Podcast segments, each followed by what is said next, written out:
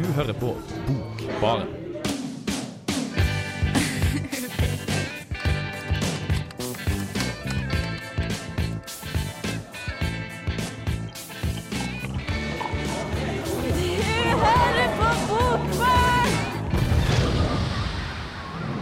Hei og velkommen til Bokbarn. Eh, Som du sannsynligvis vet, så er du midt i en eksamensperiode. Og hvis du ikke vet det, så bør du være glad for at jeg minner det på deg. Eh, For du har sannsynligvis noe du burde gjort. Men som sådan, da, eh, så hender det veldig ofte at man eh, mister litt sånn gangsynet. At man konsentrerer litt for mye på det faglige og litt for lite på det familiære. Og plutselig sitter man der, det er midten av desember, og du har ikke gjort unna noe av julehandelen. Og i det tilfellet så er det veldig fint at du har Bokbaren som er her, for å minne deg på at du er nødt til å kjøpe harde pakker til dem du er glad i. Dagens sending eh, skal vi ha litt repriser fra tidligere sendinger. Vi skal snakke litt om hva vi synes er Eller hva vi ville blitt glad for å få under eh, juletreet. Du skal høre mer om det utover eh, den neste timen. Men først skal du få høre Doldrums med I'm Homesick, Sitting Up Here In My Satellite.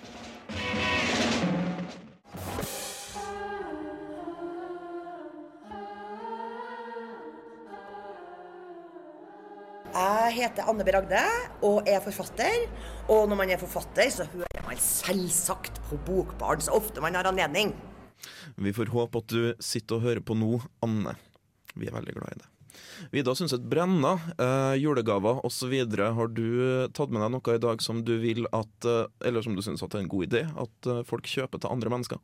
Det har jeg. Jeg har tatt med meg erindringer av Torgny Lindgren. Eh, og det, han vil jeg gjerne snakke en del om, altså. Ok, Så vi skal til Nord-Sverige. Til nordsvenske pensjonister som sitter i skjul midt i skauen og skriver om andre mennesker som sitter i skjul midt i skauen og skriver.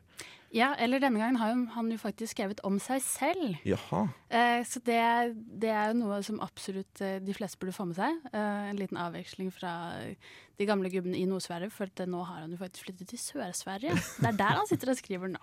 Men han er vel fortsatt en gammel gubbe fra Nord-Sverige, sånn innerst inn. For vi som leser gamle gubber fra Nord-Sverige, vi, vi vet jo det at de ikke forandrer seg med letthet. Men det her, er det memoarer? Er det en selvbiografi? Er det en roman? À la Knausgård? Hva snakker vi? Ja, sant hva det er, det er vanskelig å definere, og det sliter Torgny Lindgren med selv også, fordi han vet ikke helt hvordan han skal putte seg selv sammen i en bok. Han kaller det en novellesamling, andre kaller det en eh, minnebok. Eh, boken heter 'Erindringer', så vi bare får ta det som det er. Hva som er sant og ikke sant i den boken, det vet bare Torgny Lindgren. Vi får stole på at han har eh, sitt på det rene når han titulerte praktverket. Kristine Fredriksen, du Ja. har massevis av greier som du skal snakke om, har jeg sett. Jeg har en hel haug med bøker foran meg her, og forhåpentligvis så havner de her bøkene under noen juletre etter hvert, fordi at det er sabla gode bøker. Ja. Eh, Jeg har med meg 'Kom ikke uten begjær', som er essaysamling av Thea Seljås Thorsen, som bor her i Trondheim eh, og er professor på NTNU. Litt sprekt å anbefale en essaysamling i julegave. Uh... Det her, altså det, det er ikke til alle å være mannen sin, den her. Den, den er for de litteraturinteresserte. men for de litteraturinteresserte så er det da en veldig god gave, regner jeg med. Ja, den er helt eh, fantastisk hvis man eh, kan en del og har lyst til å lære litt mer, eller om man kan masse og har lyst til å kose seg. Vi skal eh, helt sikkert høre mer om den litt senere, men først nå så er det en annen bok, eh, så vidt jeg har forstått. Ja. Jeg har med ei bok som jeg har storkost meg med i høst. Eh, Den har jeg snakka om tidligere, i likhet med 'Kom ikke uten begjær'. Det er Thomas Espedals 'Imot naturen', som er skrevet opp mot hans eh, forrige 'Imot eh, kunsten'. Vi får se etter hvert om det kommer en nominasjon ut av det her. Vi skal høre din gamle anmeldelse av 'Imot naturen' av Thomas Espedal, men først får du Todd Rundgren med 'I Saw The Light'.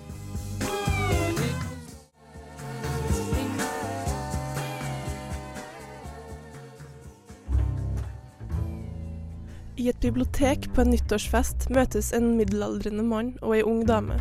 De beskrives sammen, det fortelles om Abelard og Eloise, og det leses fra Ovids Ars Amandi, kunsten å elske. På siste side i første kapittel blir de to, Lolita-motivet, til et vi, et jeg og hun. Thomas Espedals tolvte bok, 'Imot naturen', er satt opp mot hans forrige, 'Imot kunsten'. I 15 år, om ikke mer, har Espedals litterære prosjekt kretsa rundt hans egne følelser og hans eget liv. Det kan ses på som en kunstnerisk bearbeidingsprosess av tapet av mora og ekskona, og livet han har levd. Imot naturen skriver seg inn og rundt hans forrige bøker. Barndommen, et arbeiderklasseliv i Bergen, gjør at fortelleren etter en sommer på en tekstilfabrikk ytrer at han aldri vil jobbe mer, aldri gifte seg. Allerede nå har fortelleren en gammel manns blikk på sin ett år yngre kjæreste. Senere kommer ekteskapet med Agnete, som er skuespiller i Italia. De flytter til Bergen. En hjemmefødsel, et bryllup, et opphold i Nicaragua. Hjem til Bergen, familien oppløses. Nå må fortelleren igjen arbeide på fabrikken, men Agnete dør, og han blir hjemmeværende alenepappa. Jeg hvilte ansiktet inn mot brystene hennes. Det må ha vært en gammel lengsel. Eldre enn meg. Jeg var lykkelig. Jeg hadde aldri kjent en sterkere lykkefølelse av noe så naturlig. Den lyse buen av naken hud. En ung jentes fullkomne bryster. Det er først senere, mange år senere, at jeg endelig er skyldig, at jeg går imot naturen. Jeg har ikke forandret meg på 33 år. Jeg er den samme, akkurat den samme som den gangen. Ingenting har forandret seg ved meg. Ansiktet er blitt eldre, kroppen, selvfølgelig, men ellers er alt det samme som før. Jeg har flyttet og reist, giftet meg og fått barn, jeg har skrevet bøker, mistet min kone og min mor, de fleste av mine venner, men ingenting av dette har forandret noe ved meg. Jeg er nøyaktig den samme som før. Igjen er vi tilbake til forholdet mellom de to i biblioteket. Han har aldri vært så lykkelig som når han var sammen med Janne, fortelles det i ei lita bok om lykke. Det skjer han selvfølgelig først når det er over. Siste del av Imot naturen heter Notatbøkene og er dagboklignende opptegnelser i nutid. Det fortelles om det å være alene i huset, om tingerens nostalgi, om skrivinga, bøkene og notatbøkene. Dattera har flytta ut, det har den nye kjæresten Janne også. I skriverommet hans i kjelleren er han nærmest i naturen, og da også i grava.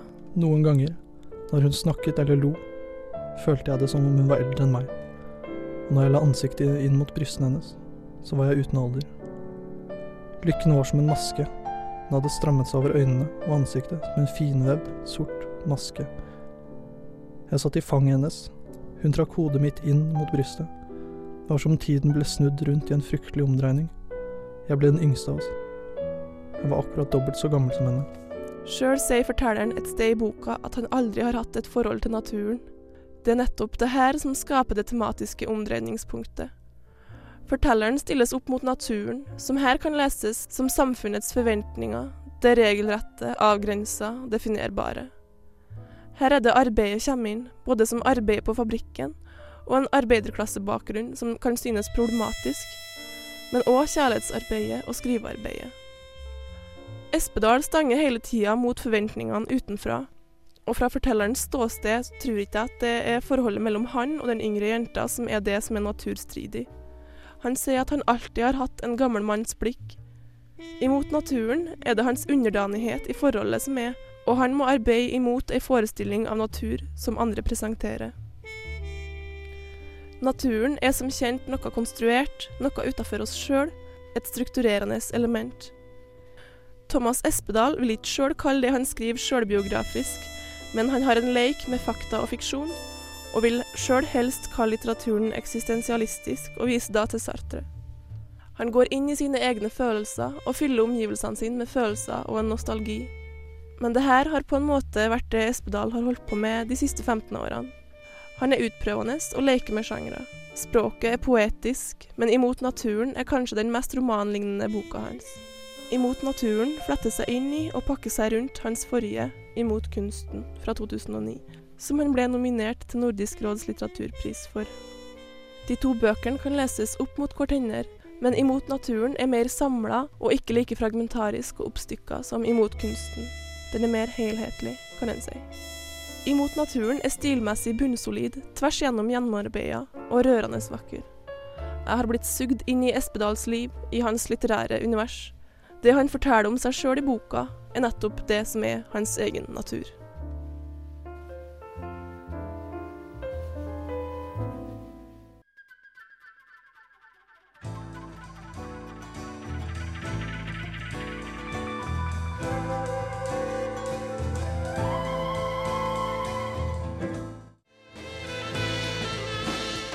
Michael Kivanuka der med 'Tell Me A Tale'.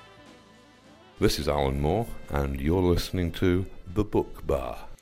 Vi hørte Kristine sin anmeldelse av Thomas Espedal sin 'Imot naturen'. Dette er en bok du mener at eh, skal ligge under juletrær over hele landet? Å ja, den er veldig tight og sexy. En tight og sexy julegave der, altså, for dem som liker sånt.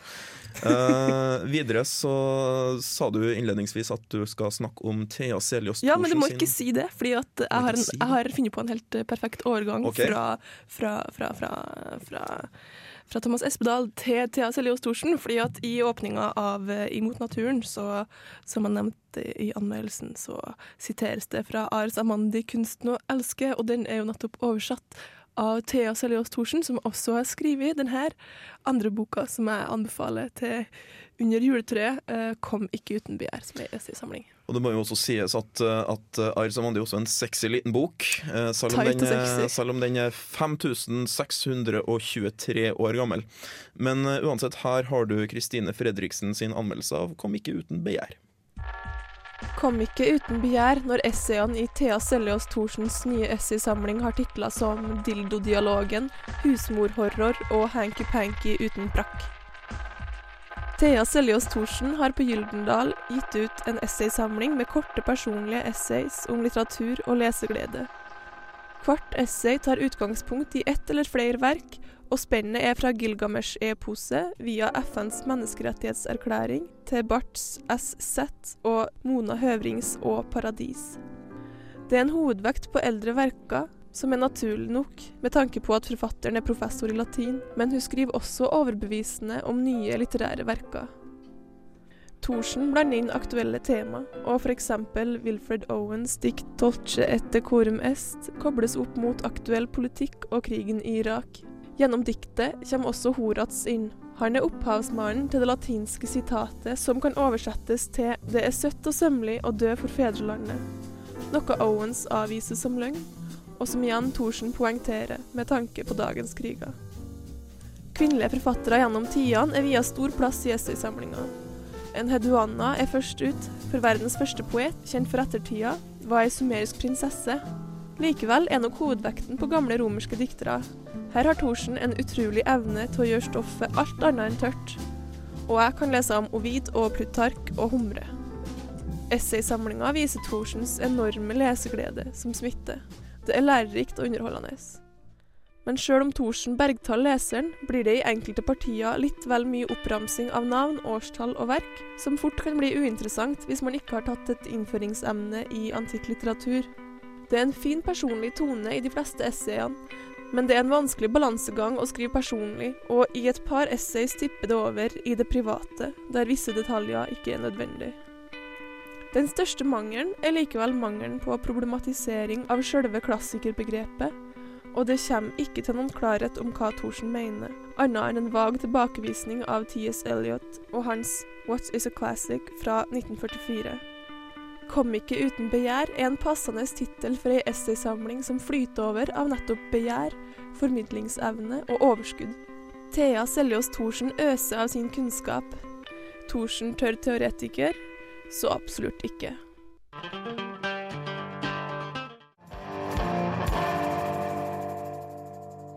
Det var Scott H. Byram med Victory Song her på Radio Revolt. Line Bjerkan kunne ikke være med i dag, men vi skal likevel spille anmeldelsen hennes av Jon Aivide Lindqvists roman 'Lille stjerne'.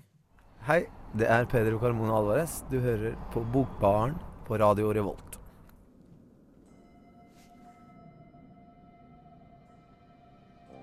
Jon Eivide Lindqvist har med bøker som 'La den rette komme inn' og 'Håndtering av udøde' etablert seg som en forfatter med en forkjærlighet for det overnaturlige og det skrekkpregede. Samtidig har bøkene hans alltid andre kvaliteter ved seg utover ren horror. Lindqvist fanger det menneskelige i møte med noe annet, det ukjente. Dermed får bøkene hans en dybde og en troverdighet ved seg som mye litteratur som baserer seg helt og holdent på hvor jævla sexy det er med vampyrer, går glipp av.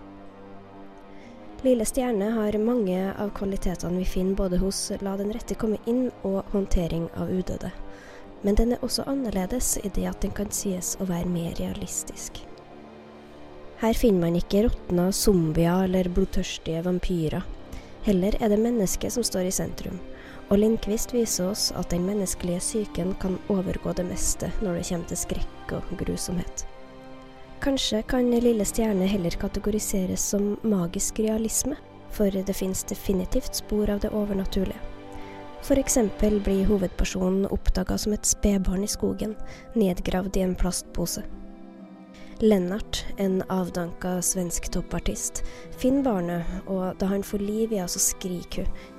Ikke et hvilket som helst barnevræl, men en helt rentklingende E.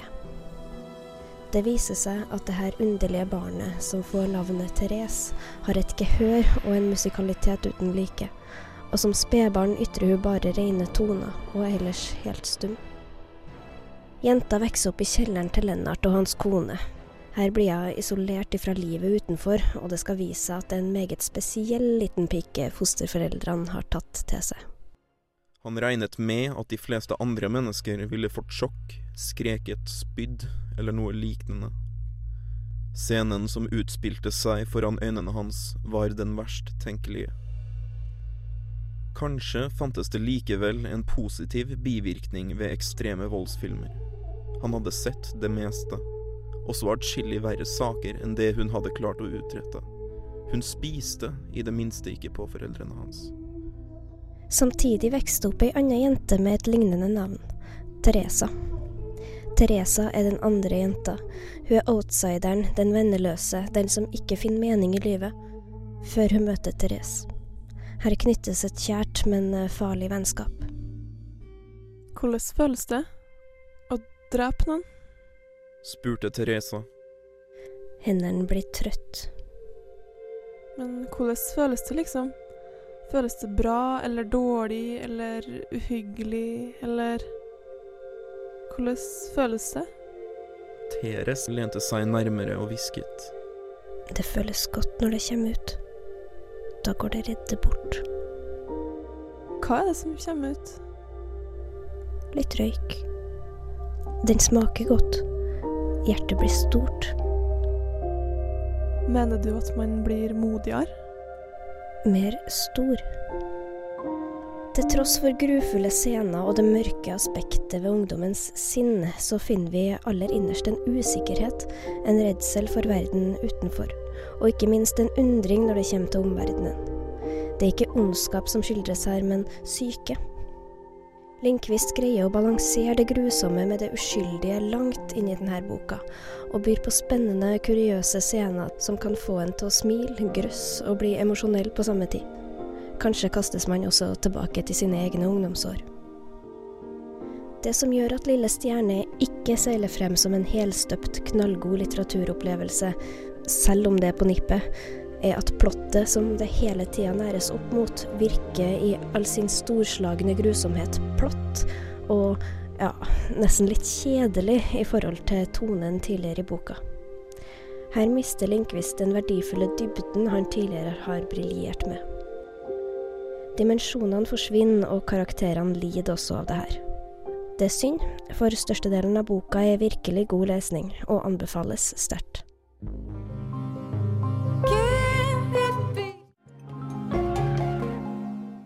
Bokbarn. Bokbarn. Bokbarn. Bokbarn. Bokbarn.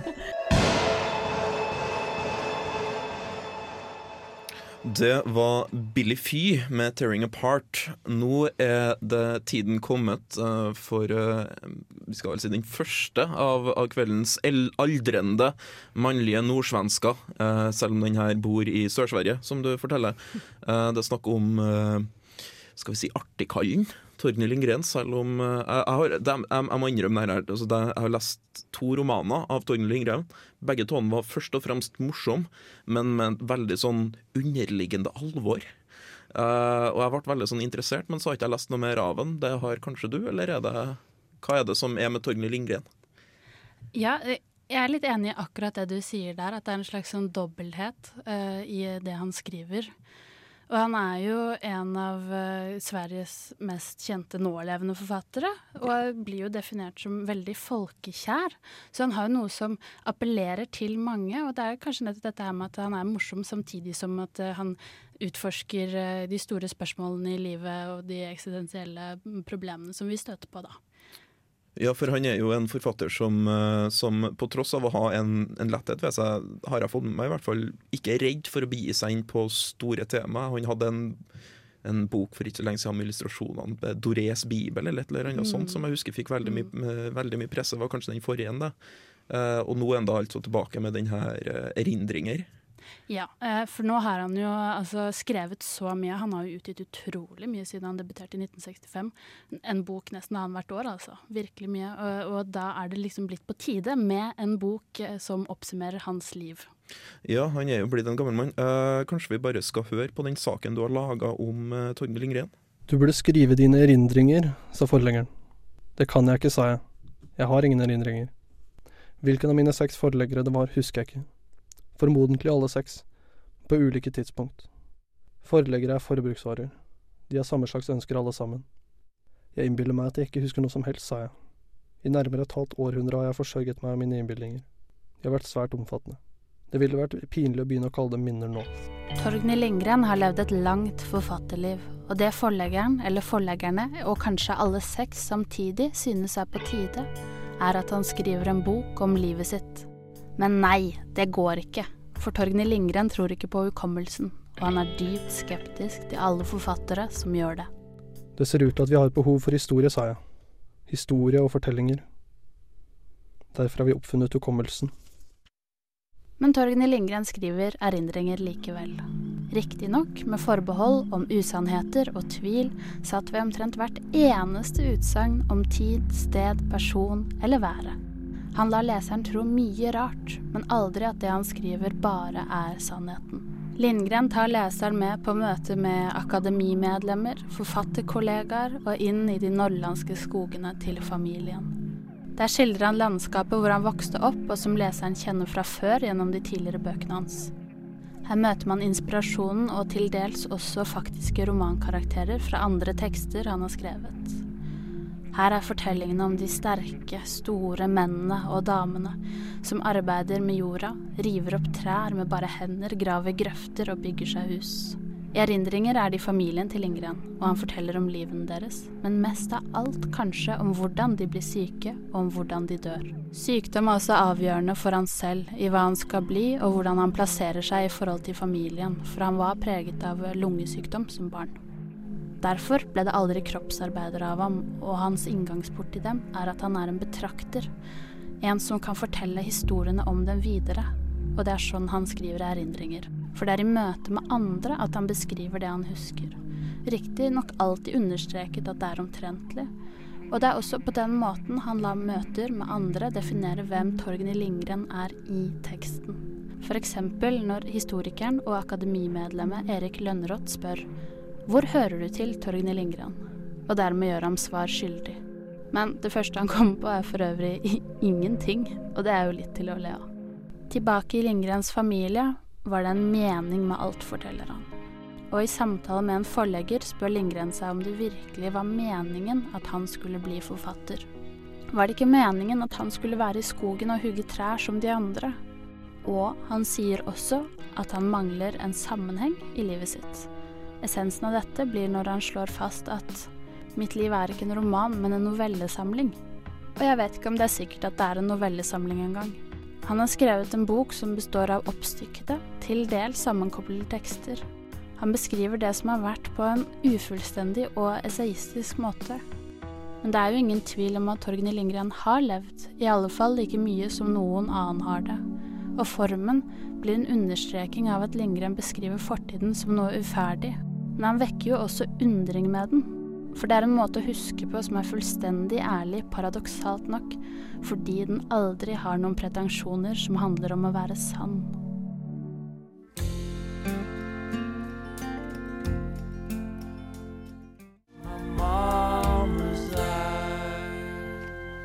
Det var Justin Towns Earl med 'Mamas Eyes', som hun tydeligvis har. Og Justin Towns eh, Earl han spiller på Credo i kveld. Det vil altså si I dag det er det 20, den 22. I talende, i, i talende stunds kveld Ja. eh, spiller Justin Towns uh, Earl på Credo. Så Om du kan, en time og et kvarter. Ja, så du har uh, Sjøl om du bor på Klæbu, så har du faktisk tida uh, til å komme deg ned. Hopp i bilen. Hopp i bilen. Uh, men nok om det. Vi er ikke et musikkprogram. som måtte bare si det. ja, det, er, det, det, det, er jo, det er relevant og lokalt innhold, så vi skal jo, vi skal jo Ja. holde på den stolte tradisjonen Radio Revolt har for å være en formidler av de to tingene. Men eh, det vi snakker om, er Torgny Lindgren. I hvert fall så snakker vi om Torgny Lindgren. Uh, er, er, er det noe mer å si om erindringer? Eh, Annet enn løp og kjøp? Ja, jeg føler eh, det er en slags sånn eh, som man kan fortsette det jeg snakket om i, i det jeg akkurat sa. At, at han dras veldig mellom hva som er sant og hva som ikke er sant. Og så har han jo skrevet en bok om seg selv, om det han faktisk har opplevd, så, hvor han insisterer på at men ingenting kan være sant. Ingen, alt jeg skriver er egentlig løgn, men jeg har veldig lyst til å skrive om meg selv. Og så, og så sliter han da med det. Og det er en utfordring for eh, både Torgny Lindgren, som har skrevet boken, men også for leseren. Så det er eh, en, eh, en selvbiografisk bok som gir deg noe å bryne på. Du kan jo si at det er en slags kontrast da, til neste generasjon forfatter, eh, hvor de ikke har noe problemer i det hele tatt med å skrive sekspinnsverk om sitt eget i forhold ganske korte liv. Og det her er jo veldig hypa akkurat nå, og veldig mange forfattere gjør det. Det er veldig moderne å trekke seg sjøl inn i en slags eh, sjølbiografi, eller hevde at det er det, eller ikke hevde at det er det, og så trekke inn fiktive elementer. Eh, For eksempel så har vi eh, J.M. Coetzee, som er nobelprisvinner i 2003. Han har skrevet 'Summertime', som er bok nummer tre i hans eh, såkalte sjølbiografi. Den anbefales også på det sterkeste. Og når vi snakker om Knausgård, så må vi jo snakke om Espedal også. Vi, og vi har jo snakka om Espedal. om Espedal, så Så, så, så, sanndrømte romaner fra Bergen, med andre ord. Det er sånn Østland, Sørland. De er kompiser, det alt jeg vet. Uh, enda en mann som uh, Enda en gammel svenske fra, fra østre, vestre Norrbotten uh, som skrev en selvbiografi fri for ikke så lenge siden, som het Et annet liv. Det er Per Lovenquist. Uh, og det her er da uh, mitt julegavetips uh, for i år, for i vår så kom en av hans tidligste romaner ut. Den er ikke eh, selvbiografisk i det hele tatt, men den er likevel veldig, veldig, veldig god. Eh, den heter 'Magnetisørens femte vinter', og du skal få høre anmeldelsen av den nå. Han lå omslutta av grottens mørke.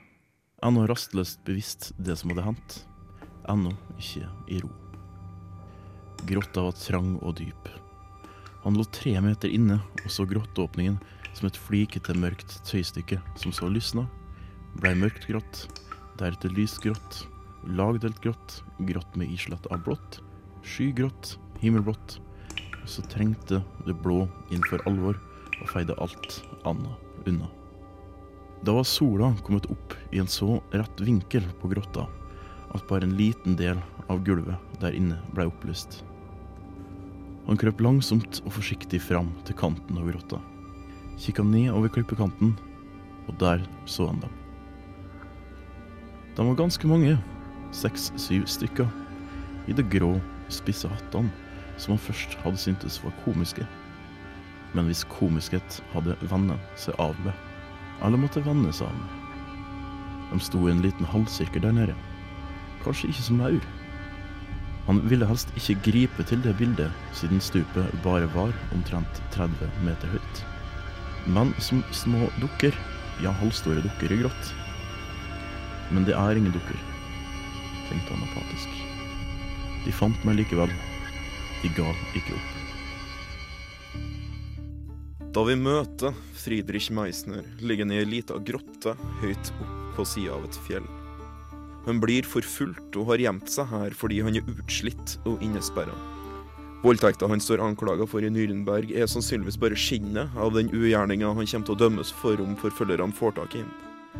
Meisner er nemlig så mye mer enn bare en voldtektsmann.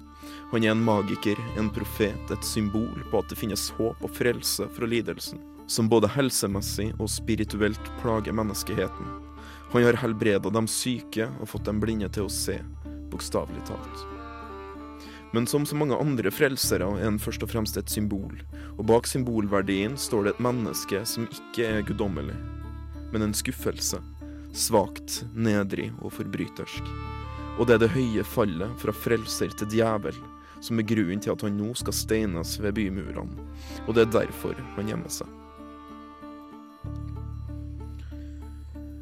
Magnetisørens femte vinter heter boka, som den svenske mesteren Per Olof Enquist skrev i 1964, og som omsider nå, 45 år senere, har fått norsk språkdrakt, og forhåpentligvis mange norske lesere. For selv om dette er en relativt gammel bok, så har den vel kanskje aldri vært mer aktuell.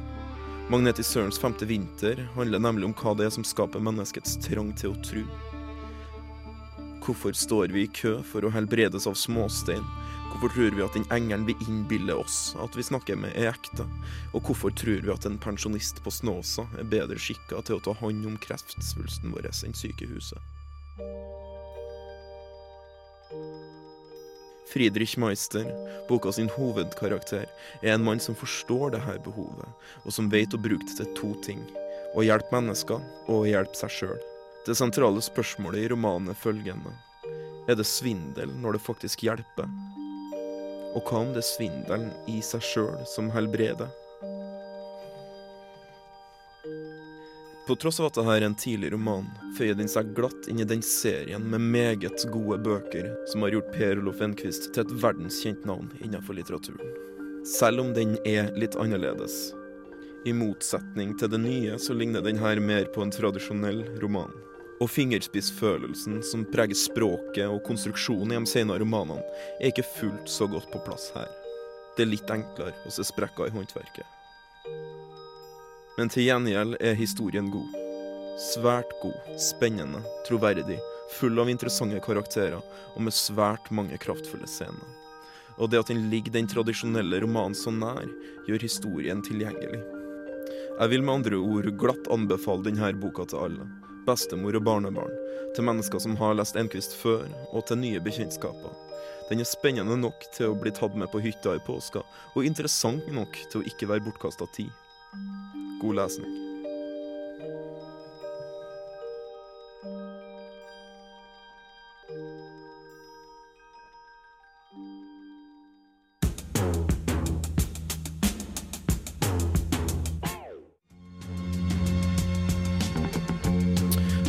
Dr. Hook and uh, The Medicine Show If I'd Only Come and Go. Du hører på Bokbaren her på Radio Revolt. Vi begynner å nærme oss slutten uh, på kveldens sending. Men uh, først vi, har vi vel tid til noen avrundende ord. Vi skal i hvert fall snakke slippe et par høflige bemerkninger om Ratatosk sin, sin hva er det, søskenantologi? Ja, fordi at eh, tidsskriftet Ratatosk har gitt ut en eh, antologi som heter Søsken, og det er i samarbeid med Samlaget. Det, det, det, men bare, bare for å si, det ser jo ikke ut som et tidsskrift, det her. Nei, det er, jo, det er jo en antologi mellom stive permer og, og oh, ja, så det er jo en bok. det, det er en bok i aller høyeste grad. Den er svær og Ja. tung. Så jeg beklager at jeg, at jeg, at jeg, at jeg avbrøt deg der, men jeg ble så forvirra. Ja, men det her er altså mange, mange korte bidrag eh, der det er intervjuer og skjønnlitterære tekster, og også fagtekster og små essay. Tegneserier til og med. Og det er veldig fint. eh, Og vi har snakka om Espedal, og Espedal har også et eh, bidrag her der han har skrevet en slags hylles ja, hyllest til søstera, og da trekker han inn Han skriver til Leonard Cohen da, og snakker om Sister of Mercy. Og, ja, nydelig. Uh, Koblinga mellom Thomas Espedal og Leonard Cohen er vel kanskje ikke så vid som man eh, først tenker seg. Begge to er jo, ligner jo veldig på hverandre, uh, slår det meg når du først uh, sier det. Nei. Eh, jo, Nei. Thomas Espedal ligner veldig på Leonard Cohen. Jo, han gjør det. Ja, det er greit, Eh, du får den. han, han ligner på en litt, litt sånn mindre, forkrympa, litt mer sånn, litt mer sånn muldvarpaktig versjon. Dvergebroren til Leonard Cohen. OK. Ja. Nå har vi snakka om det her, og, og leke med, med, med, med sånn det stilistiske og, og sånn. Og det, ja, mm. ja, det her er altså julegavetips til søsken. Man leker masse med søsken. Det er, ser ut som en veldig fin utgivelse, i hvert fall, så jeg ville, ville vært glad for å få den i julestrømpa. Uh, helt til slutt uh, så vil jeg gjerne si takk for meg. Jeg heter Martin Ingebrigtsen. Jeg har sittet her sammen med Kristine Fredriksen og Vida Sundset Brenna. Tekniker har vært Bendik Bolme, så takk til deg, Bendik. Eh, en av verdens beste låtskrivere noensinne het eh, Shane McGowan. Han var eh, låtskriver i The Pogues. Mest kjent for A Fairytale in New York. God jul. It was Christmas Eve, babe, in the drunk tank. An old man said to me, Won't see another one.